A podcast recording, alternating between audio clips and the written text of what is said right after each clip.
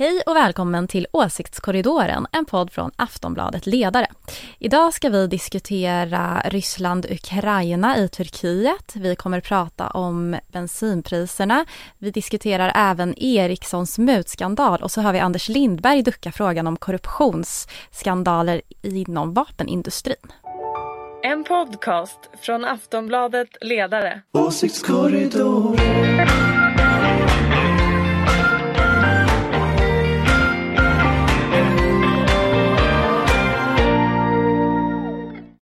och välkomna till Åsiktskorridoren, podcasten från Aftonbladets ledarredaktion som vill hjälpa dig att bringa ordning i det politiska kaoset. Med mig har jag precis som vanligt en knivskarp panel med några av landets mest erfarna politiska kommentatorer. Från den gröna och liberala tankesmedjan Fores, Ulrika Schenström. Här presenterar vi dig som oberoende moderat. Jajamän, här är jag. Från Aftonbladets oberoende socialdemokratiska ledarredaktion eh, Sina Aldevani. Hej hej! Och Aftonbladets eh, politiska chefredaktör Anders Lindberg. Eh, välkommen! Halloj! Tackar! Själv heter jag Ingvar Persson och skriver till vardags ledare i Aftonbladet. Eh, men i den här podden är det ju mitt uppdrag att leda samtalet så rättvist och ojävigt som det bara går. Och nu tittar Ulrika på mig med menande. Ja, en sån här liten menande fniss. Det vet ju alla vad det är, eller hur? Jag ser på era miner här runt bordet att vad var det där? Jag tänkte att vi liksom får börja med... Eh, Skriver Ulrika-studien också? Ja, den råkar hörlurarna ner. bara, Ja. bara lite. Mm. Eh, Turkiet och eh, Ukraina. Idag inleder de ju fredsförhandlingar eh, om Ukraina i Turkiet på inbjudan utav eh, president Erdogan. Och presidenten Zelensky har ju pratat om att till exempel gå med på neutralitet och kanske en kompromiss om Donbass eh, för att få ryssarna att dra sig tillbaka. Jag vet att jag har ställt frågan tidigare, men finns det någon förhandlingslösning på det här kriget, Anders?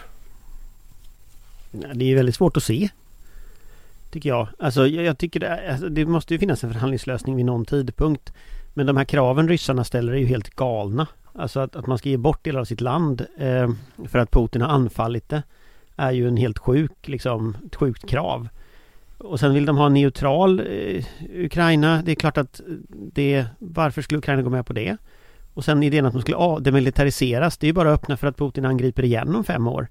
Så, att- så att jag tror ju inte att, jag tycker inte det här verkar seriöst. Jag tycker det verkar som att de försöker liksom, ja, vinna någon psykologisk seger nu mot Ukraina genom de här kraven. Men jag har svårt att se att Zelenskyj kan gå med på dem och att väst skulle liksom släppa sanktioner mot det här, det har jag också svårt att se. Men det är ju samtidigt så att det är Zelensky som, som ändå har antytt att det här går att prata om. Alltså går det att förstå Ulrika att om man, om man liksom befinner sig i det läget? Att han försöker rädda det som räddas kan, Ja. så att säga. Jo, men det kan man ju förstå, men det är ju helt sjukt, precis som Anders säger, att ryssarna kan få bete sig på det här sättet. Och jag vet inte riktigt att gå med på saker och ting kanske bara gör det ännu värre. För det, vad händer nästa vecka när han känner för att ta lite mer land? Som han bara känner för att plocka lite lätt. Ja, eller något nytt land. Ja, eller något Moldavien annat. ser ju trevligt ut. Mm. Jättetrevligt. Kanske ska ta det också. Nej men jag, jag, jag, jag tycker att det här är... Jag är ju som sagt, jag vet ju inte alls vad man skulle kunna göra här. Men, men, men eh, ja, Men, men ni, ni tycker alltså båda två att det, det här, det finns inte någon förhandlingslösning i Alltså så här, de ja, räck- det måste ju finnas en förhandlingslösning vid någon tidpunkt men högst upp på liksom dagordningen vid den förhandlingen så ska ju stå hur drar Ryssland sig tillbaka ur Ukraina? Hur kapitulerar Ryssland? Det är ju där början måste vara. Jag tycker det finns något absurt i att vi hela tiden diskuterar Putins krav på eh, på Ukraina. Det blir som en slags asymmetri. Alltså Putin han, han anfaller, han ljuger och vi diskuterar hela tiden hur ska vi rädda ansiktet på Putin. ja precis. Och jag tycker den asymmetrin är jättekonstig. Jag menar, det är klart att vi, vi, alltså jag ser ingen anledning att väst ska häva sanktioner mot Ryssland för den här typen av överenskommelser. Sen är det naturligtvis upp till Ukraina att förhandla om Ukraina. Men, men, men grunden måste ju vara att väst får ju absolut inte pressa Ukraina för den här typen av uppgörelser. Och jag ser heller ingen anledning att häva sanktionerna mot Ryssland. Utan, utan det är ju en, en, för att göra det måste de ju följa internationell rätt och det gör de inte. Men är det väst som pressar Ukraina? Är det inte, är det. inte, är det inte bombardemanget mot Mariupol och, och risken för att få Kiev inringat som pressar? Det pågår säkert massa saker bakom kulisserna vi inte vet Men jag hoppas att väst inte gör det. Eh, och, och det är klart att jag kan förstå att, att Ukraina är hårt pressade och det är klart att det, i slutändan så måste du komma till en förhandlingslösning. Men jag tycker som hela debatten har blivit konstig därför att, därför att det är trots allt Ryssland som har anfallit Lösningen på det är att Ryssland slutar anfalla.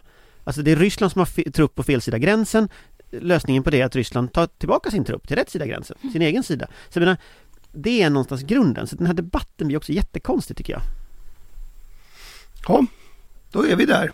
Och bombardemanget ja, och som Anders säger, fortsätter. det är ju helt självklart att det finns en massa med information och kanske en, en stor del av den information som kommer ut kanske inte ens är på riktigt. Så att jag menar, det sker säkert väldigt mycket andra saker än det som sker för öppen ridå. Annars vore det ju väldigt märkligt. Du tänker eh, på front? eh, Liksom i fronten? förhandlingarna. Ja, i förhandlingarna. Ja, i den mån det är förhandlingar. Undrar varför Anders ser så förnulig ut? Nej, det kan vi inte svara på. Nej, något är det. Det, På andra sidan det, det kommer att vara den, eh, den oklara punkten i den här podden. Han kanske vet en massa saker som han inte säger. Så kan det vara. Nej, vi Eh, går till nästa ämne bara. det kan vi göra. Eh, och då är det ytterligare ett ämne som vi har haft uppe förut eh, och där jag har lovat Sina att inte släppa in henne. Nämligen NATO, det har vi pratat om förut. Det som har hänt sen vi pratade Men jag om... blir ju så sur på båda er så det är lika bra. Eh, där ser man. Hoppla hoppla! Sen vi pratade om NATO senast i den här podden Eh, så har ju Ulf Kristersson deklarerat att han nu inte längre tycker att det behövs en eh, bred överenskommelse. Eh, någon skulle kunna säga att han har lämnat över frågan till eh, Jimmy Åkesson att bestämma när det finns en majoritet. Eh, Ulrika, jag vet ju att du vill vara med i NATO. Men tycker du det här är rätt sätt att göra det? Framförallt tror jag att det inrikespolitiskt är lite små besvärligt med tanke på att vi vet att Socialdemokraterna är splittrade i frågan. Så jag tror att finns det Socialdemokrater som vill gå med i NATO så tror jag han förstör en del just nu. Det var inte det smartaste han kunde ha Jag gjort. tänker att i en sån viktig fråga som är så pass stor oavsett om man är på min sida eller på någon annan sida i det här rummet så tror jag man ska gå fram tillsammans. Och det var väl därför de också var uppe i, i Nordnorge tillsammans på inbjudan av Magdalena. Så att eh, jag tror man ska gå hand i hand här och det tror jag är viktigt när det gäller säkerhetspolitik. Det, I så fall kan jag faktiskt också kommentera det om vi ska prata om Kristerssons pajaskonster, för det tyckte jag var rätt roligt att även Moderaterna verkar ju vara splittrade, inte när det gäller om de ska gå med i NATO eller inte, men vad de sysslar med. När till och med Carl Bildt går ut under ett valår ändå eh, och kritiserar Ulf Kristersson att han liksom plötsligt dyker upp eh, och eh, vill göra det till en valfråga. Då märker man ju att det här är ju problematiskt även eh, internt. Det är kul att titta på utifrån. En ordningsfråga då. Får jag också hoppa ämnen ifall jag inte känner att jag vill prata om det? Ja, det får du göra. Ja, härligt. Det är en demokrati ändå. Härligt. Ja. Men med förnuft. Eh, Men eh, Det också. dessutom så verkar det inte som Sina ville hoppa ämnet när det kom till Nej, det är kritan. välkommen till kritan. Ja, men jag bara känner en ordningsfråga. Jag vill inte prata om det här. Jag är tyst. Absolut. Jag har en känsla av att du också kommer att vara svårt att vara tyst. Jäklar ska jag börja använda den här nya metoden. Eh, men, men alltså betyder det att det blir en valfråga? Blir NATO en valfråga, Anders? Det tror jag inte. Jag hoppas inte det. Alltså jag tror ju, eh, nu kallade Sina det pajaskonster, det är ju naturligtvis lite taskigt att, att beskriva det på det sättet. Eh, jag beskrev det förra veckan som att han skulle resa sig ur bollhavet. Det var också lite taskigt. Eh, men, men jag tror att grunden någonstans är att Moderaterna inte uppfattas, tror jag, av ganska många som håller på med säkerhetspolitik nu som ett, ett seriöst parti längre. Eh, man, man, man beter sig liksom som att det här är vilken inrikespolitisk fråga som helst. Men NATO liksom, det är ingen frimärksklubb man går med i. Det är, det är ingen valtaktik. Man kan inte säga att ta senaste opinionsmätningen och så följer man den i tangentens riktning liksom. Utan det här är en fråga som är fundamental för Sveriges säkerhet. Och då, att, att så här, spela spel med den frågan blir knepigt i alla lägen. Eh, sen tror ju jag att Moderaterna eh, just nu är så desperata att de förmodligen om de fick chansen skulle göra det till en valfråga. Det tror jag på riktigt att de skulle. Och då får vi ju ett trollval utan dess like eftersom ju alla eh, ryssarna och eh, alla troll och allting skulle ju vara med i en sån valkampanj liksom. det, det skulle ju glatt och hej vilt hoppa in i den. Så att jag är, ja, men jag tror inte de kommer att få det så. Jag tror att Sverige och Finland kommer att hitta liksom en gemensam lösning som de flesta partier kommer att ställa sig bakom. Liksom. Det tror jag, innan dess. Men det har ju knappast varit en hemlighet att Moderaterna vill gå med i NATO eller att större delen av svensk borgerlighet. Det är inte bara Ulrika som, som har framfört den åsikten förut. Nej, ingen nyhet. Nej. nej, det är ingen nyhet. Men det är en nyhet att man skulle vilja göra eh, säkerhetspolitik till en blockskiljande fråga. Alltså där, där har vi ändå tydliga exempel historiskt på att man inte har gjort så eh, liksom under egentligen under någon av varken både upprustningar och nedrustningar i svensk historia har skett gemensamt med undantag. Men då får vi gå tillbaka till 20-talet innan vi hittar liksom riktiga konflikter om de frågorna. Plus att Moderaterna avskaffade värnplikten med tre rösters marginal. Och det var ju ingen succé, det kan vi konstatera. Den återinfördes några år senare eh, och nu vill, nu vill alla ha värnplikt. Så att det finns liksom inget, det är inget bra att köra säkerhetspolitik på det sättet. Och det är faktiskt något nytt att Moderaterna skulle göra det, om de nu ska göra det på riktigt liksom. Eller om bara Kristersson liksom far runt själv.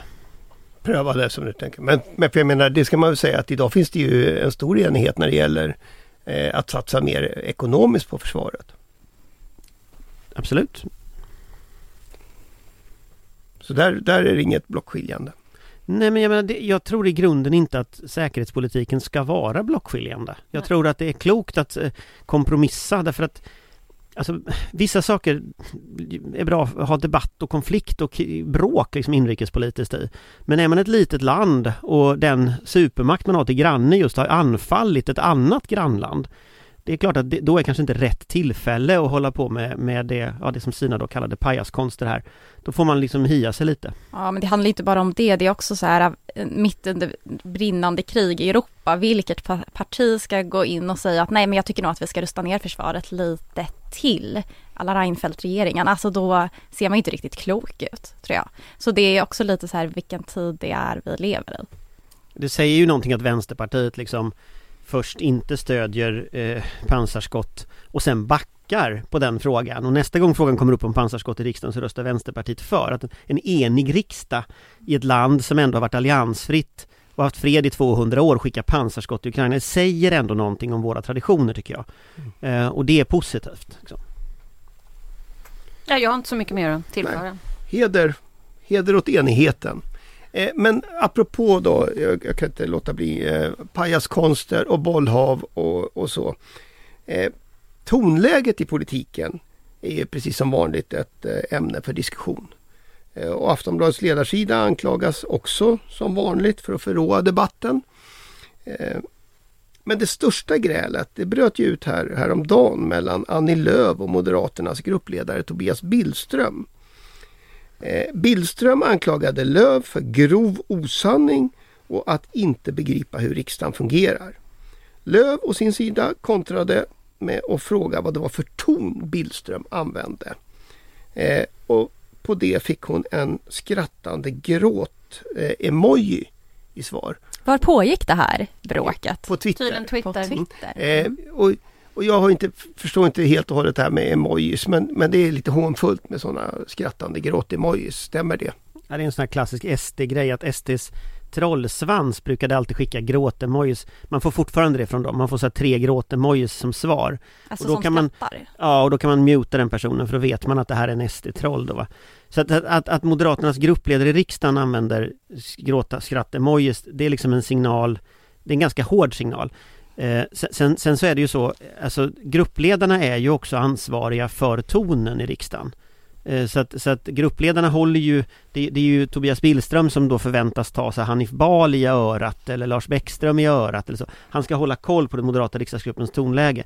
Så när han gör så mot Annie Lööf så blir det ju väldigt eh, ja, udda kan man säga. Det, det säger någonting om, om stämningsläget mellan Centerpartiet och Moderaterna som är ganska intressant här. Alltså jag är den sista som försvarar någon trollsvans här som använder gråtskratt-emojis. Men för mig har det också alltid varit en markör på att det är en medelålders människa som använder sociala medier. För det känns som att det är vanligare över en viss åldersgrupp M- också. man, medelålders man skulle jag vilja lägga till. Exakt. Okej, här, får man, här får man signaler. Själv avstår jag i allmänhet Mm. från att använda emojis just därför att jag misstänker att jag skulle Klokt. missförstås. Mm. Eh, Jag tror inte han, jag tror, så här, jag tror inte Tobias Billström hade någon som helst ambition av att missförstås. Utan jag tror att här är det liksom mellan Centerpartiet och Moderaterna så är det väldigt, väldigt hårt tonläge. Men, men jag tycker också det, det finns något intressant i det här liksom att, att för de här två satt ju i regeringen tillsammans förut. Så, så att, jag menar, och, och det är klart att det är, det är svårt att tänka sig att det här är ett gäng som bildar regering, i alla fall i någon slags närtid överhuvudtaget. Och nu känns det ju som att Moderaterna tänker gå liksom ja, till val mot Centerpartiet som en av huvudmotståndarna. Men det har vi ju vetat länge, så det är väl inget nytt. Det här är ju bara ett... Men det är ganska Fortsätt. konstigt. Ja, kan man ju tycka. Särskilt jag som har både varit med om när alla i borgerligheten hatar varandra och när de älskar varandra. Så att det är ju bara tragiskt. det var roligare när, när, Ja, men när man alltså älskar varandra. det- Eller? Men de gör ju det fortfarande, de generationerna. Så det är Ja. inte någonting konstigt. Men, men det här är ju ingen nyhet. Men nu följer inte jag Twitter, så jag har inte läst exakt vad de har sagt och skrivit. Men det är ju onödigt, framförallt för kommande generationer av borgerliga eh, personer som eh, tror att det här är någon slags... Eh, ja, att det är, det är så här det ska vara. Så här har det inte alltid varit, men det har varit så här förut också. Mm. Så Ja, att- du brukar ju berätta Det om brukar ju gå fram och tillbaka lite Ja. sådär. Men det här är ju bara liksom tragik tycker jag. I, sak, I sakfrågan ska vi säga det så handlade det om stöd till jordbruket där Centern inte tyckte att man fick tillräckligt starkt stöd. Eh, och, eh, eller Centerns representant i finansutskottet Martin Ådahl då. Men det hjälper ju inte nya generationer att se saker och ting utan det är väldigt personfixerat tror jag och inte alls så fixerat på det stora. Jag Men- tänker att hela politiken är lite så här. Alltså jag kommer ihåg i somras när då rök ju vänsterpartister och sossar ihop rätt hårt. Eh, när, när, I samband med liksom regeringskrisen förra gången. Och det var ju också så att det liksom fullkomligt ballade ur på sociala medier stundtals. Eh, så att jag menar, jag vet inte. Man kanske ska stänga av Twitter fram till valet. Ja. Kanske vore en bra Jag idé. tror, inte det är, jag tror man ska hålla sig därifrån faktiskt. Men finns det några tecken på att någon tänker hålla sig därifrån? Ja, uppenbarligen inte de här men, men man, vi andra behöver ju inte gå in och spana utan vi kan ju hålla oss till andra medier. Fast det är lite beroendeframkallande dock. Men det är just det som är farligt. Det, det, det, det kommer... Det är som att titta lite för mycket på TV just nu, alltså alla, och titta på linjär-TV. Man sover ju inte om man tittar den sista sändningen 22. Nej. Och sen så går man och lägger sig så har man hela det här bruset. Så jag tänker inte hålla på gå, liksom, men, men, men, men, fokusera på Twitter också faktiskt. Nej, jag tror inte det är mentalt bra för den mentala hälsan. Men jag tänker det finns en intressant spaning också om tidpunkten när de här människorna twittrar. Att, att alltså även så här toppolitiker och sådana ser man börjar twittra mitt i Ja, natten är eller liksom går upp klockan tre och sitter och De kanske twittrar och sover för lite helt enkelt och tar Ja. felbeslut därför. Mm, Man kan ju bli grinig för mindre egentligen. Så att. Fast Det det, är så. det, det har väl eh, politiker av, av tyngre, med tyngre poster än, än eh, Centerledaren eller, eller Moderaternas gruppledare har väl ägnat sig åt att twittra på nätterna. Eh, jag tänker till exempel Vita huset och så.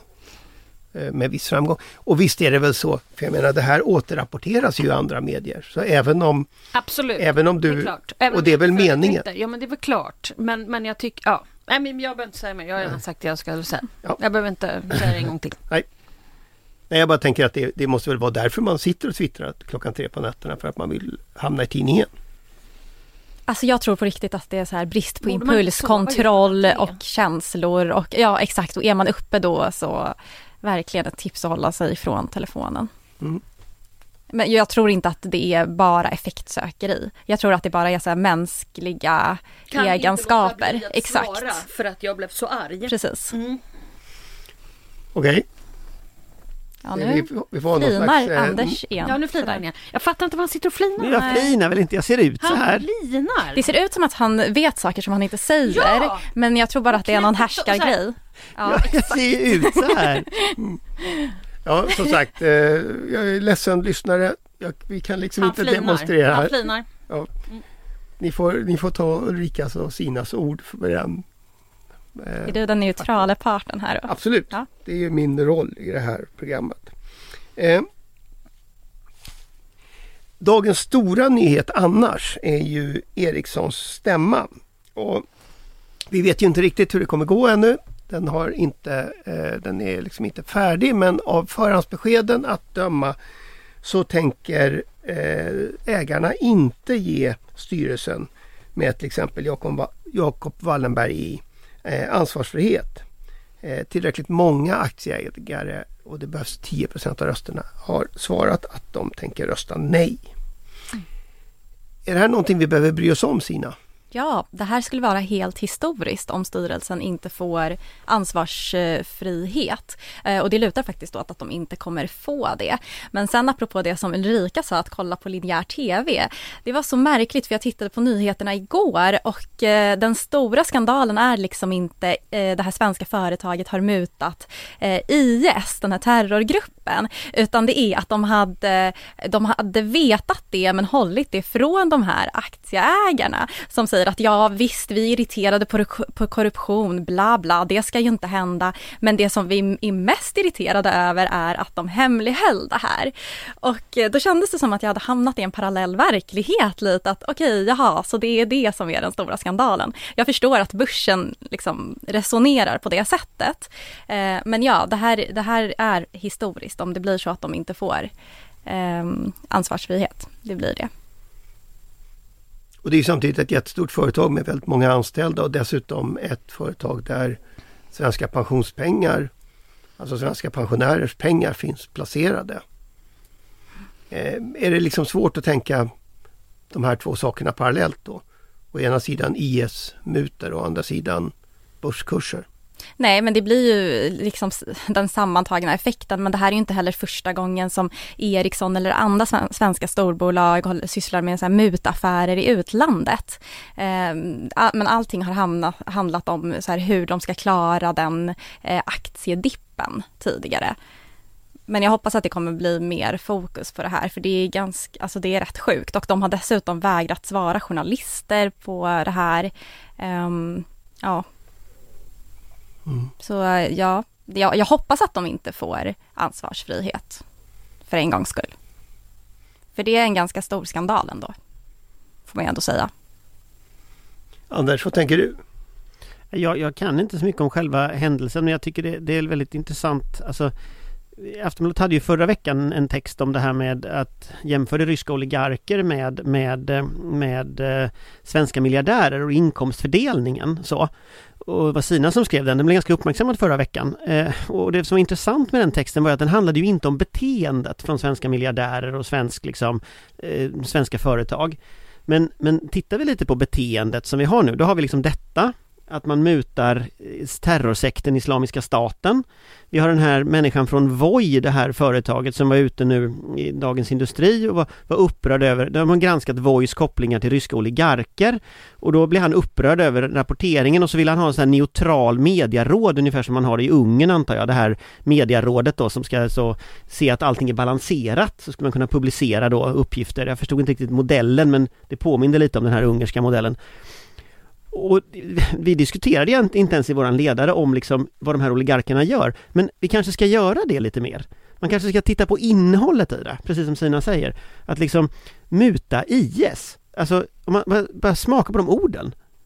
Liksom, vad är det här för, för stolleri liksom? Mm. Ja, för den främsta kritiken var ju, men hur kan du kritisera de här äh, tech-innovatörerna som lyfter hela Sverige? Och det var så här, egentligen var det inte det, utan det handlade om just så här fördelningen av BNP eh, som jag var inne på. Men, men det, här, det här är också ett rätt speciellt beteende som jag tycker inte uppmärksammas tillräckligt mycket. Det är som att vi inte bryr oss så länge de går med vinst och jag tror att vi ser en ändring i det nu. Fast det kan man väl säga att där, eh, för det som väl har hänt, det gäller ju inte minst bankerna, är ju nu att eh, de drabbas. Det är ju inte svenska sanktioner i allmänhet utan amerikanska som, som biter och det gäller ju också Ericsson.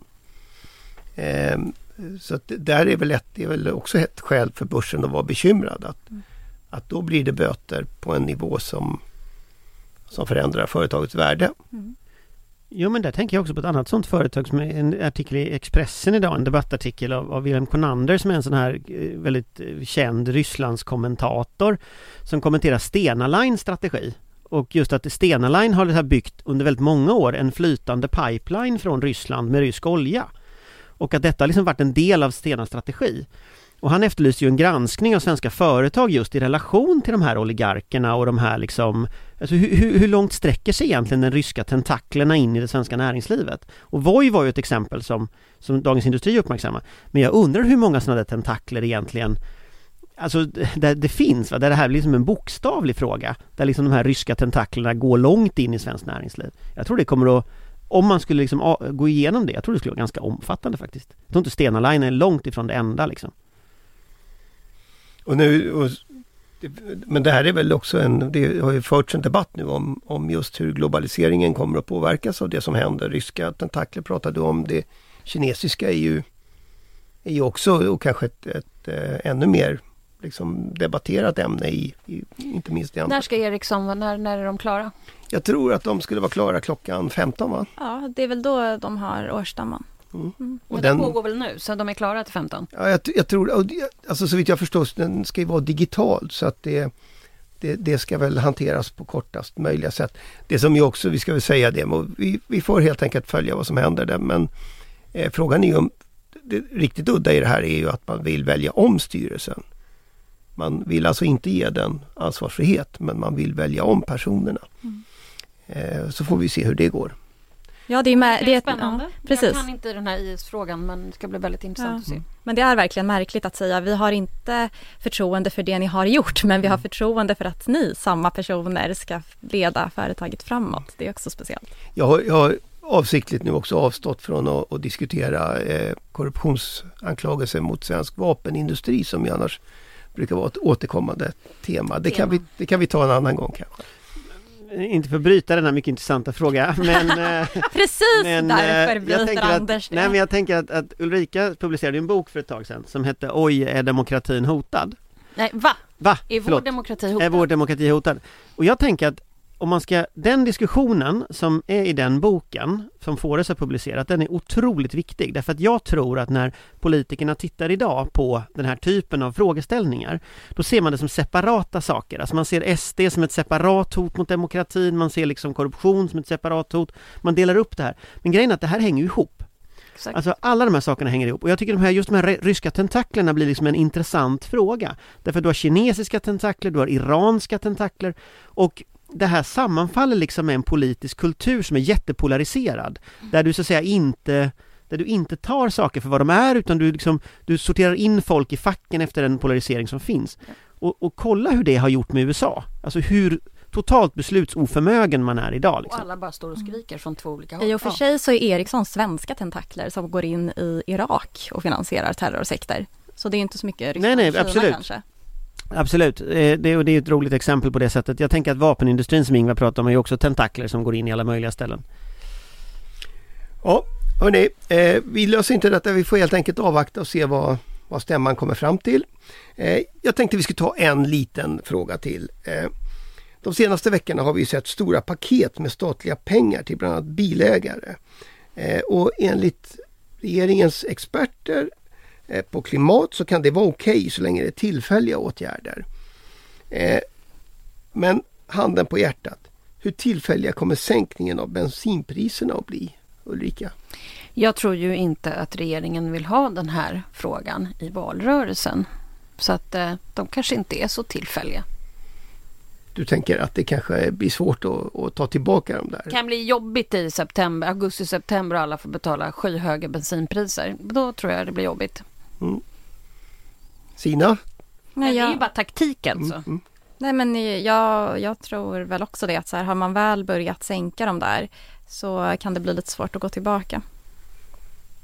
Ja, så det började väl egentligen med den här elpriskompensationen. Man ska kompensera för högre elpriser och sen ska man kompensera med högre bensinpriser och jag gissar att snart kommer krav att komma på att kompensera för högre matpriser och sen ska man väl kompensera för högre räntor och jag kan inte tänka mig någonting som inte går att kompensera för. Så att jag menar, börjar man...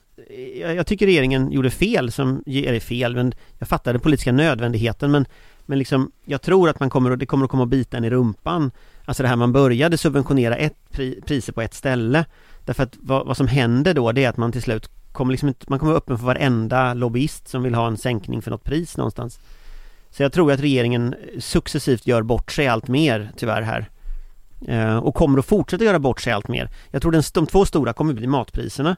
Det kom någon rapport idag, såg jag från Finland om att så här höga matpriser där, alltså ökningar har man aldrig sett förut. Mm. Eh, och sen kommer räntorna på bostäder och det är bara att räkna ut vad medelklassen i Stockholm tycker om, om räntor som går upp någonstans lagom i höst till valet. Alltså till slut så kommer statskassan att bestå av liksom en ostbit. En En ostbit. ostbit. Där Ja, en mus som gnager på den. Det blir kvar. ostbit. Det blir kvar. vi, ehm, Jag, jag, tror, jag, tror, hela rubben klar. jag tror helt enkelt vi har finalen på den här podden där. Eh, jag vill tacka så hemskt mycket. Jag vill tacka Ulrika, jag vill tacka Sina och jag vill tacka Anders. Jag vill förstås tacka dig som lyssnar. Eh, och så vill jag säga att eh, Åsiktskorridoren finns till för din skull. Tack så mycket, hej! Hej hej! En podcast från Aftonbladet Ledare.